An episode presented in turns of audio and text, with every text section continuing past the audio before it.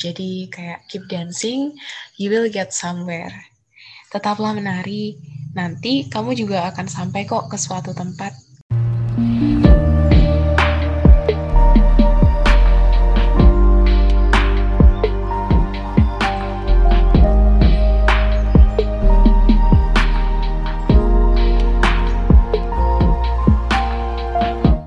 Halo semuanya, Baik lagi nih bareng aku, ini Sato Mamet sama temenku Aulia di podcast Menuju 25.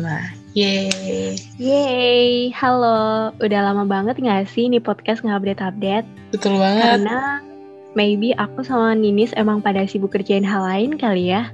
Eh, canda nggak kok. Sebenarnya aku sama Ninis aja yang selalu ada aja halangannya.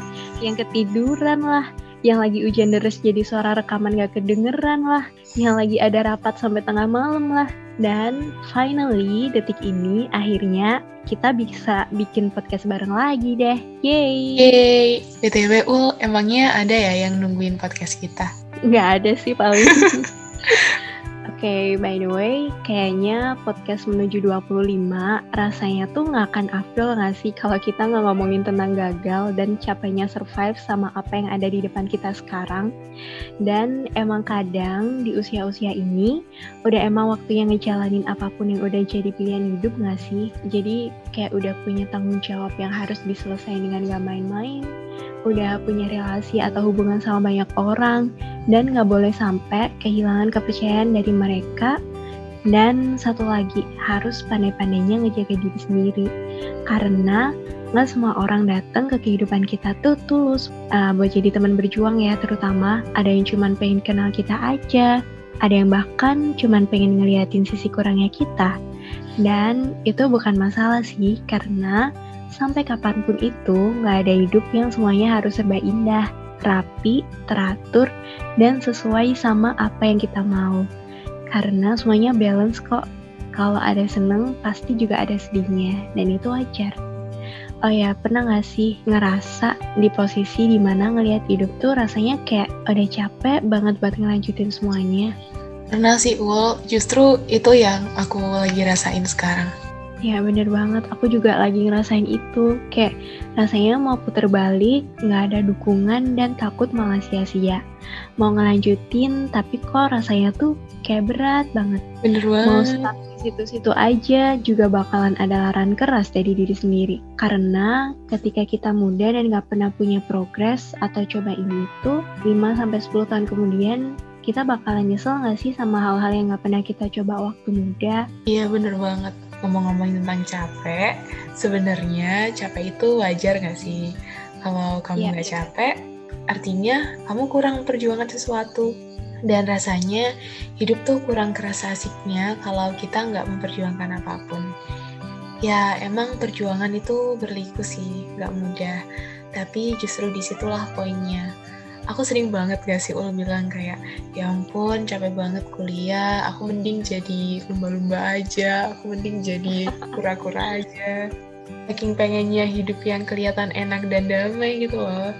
Padahal sebenarnya nggak juga sih aku juga paham soalnya um, hidup apalagi jadi anak kuliah jadi anak mahasiswa itu privilege banget dan gak semua orang bisa mendapatkan kesempatan ini karena aku yeah. mendapatkan kesempatan bisa kuliah um, tentunya aku nggak mau dong ul menyerah pada capek ya kan? Dan aku percaya temen-temen juga kayak gitu. Nggak cuman kuliah aja sih hidup juga demikian atau yang lain-lain pokoknya. Udah sejauh ini udah hampir dua abad atau malah udah lebih dari dua abad jadinya harus dong belajar untuk bisa lebih kuat dan gak menyerah dengan alasan capek jadi misalnya nih kalau kita capek, ya udah istirahat aja. Ibarat kita berteduh sebentar sebelum melanjutkan perjalanan lagi. Bener banget. Jadi rasanya kalau nyerah cuman gara-gara capek tuh emang apa sih masa lo nyerah cuman gara-gara capek? Memang ada beberapa hal yang harus diterima, digak papain dan diikhlasin. Sama kayak takdir. Mau nyusun plan hidup serapi apa pun itu, kalau Tuhan bilang enggak, ya udah deh kita tuh kayak tinggal nurut aja gitu. Karena konsepnya ketika kita udah nemuin magic word yang namanya ikhlas, udah deh seribet apa pun alurnya, bakalan selalu ada keajaiban dari yang di atas kok. Jadi ini buat diri aku sendiri ya, atau barangkali teman-teman juga ngerasain hal yang sama kayak aku, lagi di fase capek-capeknya, pengen nyerah aja. Coba deh berhenti sebentar, istirahat dulu, ambil jeda, dan ikhlasin. Pokoknya kuncinya ikhlasin deh, apa pun yang bikin kamu tuh capek dan ngerasa sakit hati. Simple sih sebenarnya, tapi kalau dilakuin bakalan sedikit berat juga sih, karena enggak semua hal bisa diikhlasin dengan segampang itu. Coba deh mulai dari ikhlas dan terima, itu tuh bakalan bikin hati kita tuh lebih lega dan lebih tenang gitu aja rasanya. Iya, aku setuju sih, apalagi dengan konsep magic word ikhlas ya. Intinya kalau kita hidup terus kita ikhlas menerima keadaan, ya udah kita bakalan ngerasa damai dan senang-senang aja gitu ngejalanin hidup. Dan btw um, berbicara tentang plan hidup ini, sebenarnya kita semua nggak ada yang tahu nggak sih tentang ke mana jalan kita akan bermuara. Karena misalnya nih kita sekarang ya ul di sini Emangnya kita pernah ngeplan kalau kita bakalan ada bener-bener di sini? Enggak kan? enggak, enggak, enggak pernah. Sebenarnya kita dulu ingat nggak sih waktu di asrama sebelum ETS atau EAS kita waktu belajar bareng waktu aku sampai ketiduran kita tuh pernah ngomongin ini kayak uh, sebenarnya aku tuh nggak pernah ada plan buat masuk ke jurusan ini. Aku, aku tuh malah ngeplannya tuh yang A, B, C. Terus Ninis tuh nimpalin, eh iya sama aku juga nggak pernah ada plan. Aku bahkan ngeplannya tuh A, B, C gitu ya. Tapi ya udahlah, gimana lagi? Emang namanya udah takdir ya. Masa kita mau nggak terima? Kan uh, bisa kuliah, bisa ada di posisi ini. Mungkin tuh sebagai salah satu jalan Tuhan buat nyelamatin kita dan kasih hal yang terbaik buat kita nggak sih tanpa kita sadarin gitu mungkin jalan sekarang justru jalan yang terbaik dari yang sebelumnya kita plan planning itu. Dan aku juga percaya manusia itu punya kemampuan survival punya kemampuan apa ya untuk bertahan hidup dari um, apa pun deh dari sebanyak apa pun masalah yang menimpa mereka. Aku percaya banget sih sama itu.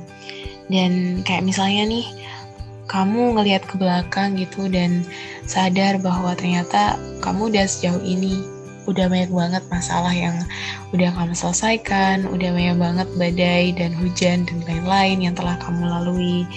Dan sekarang kamu masih hidup dan kamu masih kuat. Dan untuk yang ke depan-ke depan tentunya kamu bisa juga melakukannya. BTW, aku pernah baca nih dari buku judulnya The Courage to be Disliked. Penulisnya itu ngibaratin hidup itu kayak menari. Cih, apa tuh menari?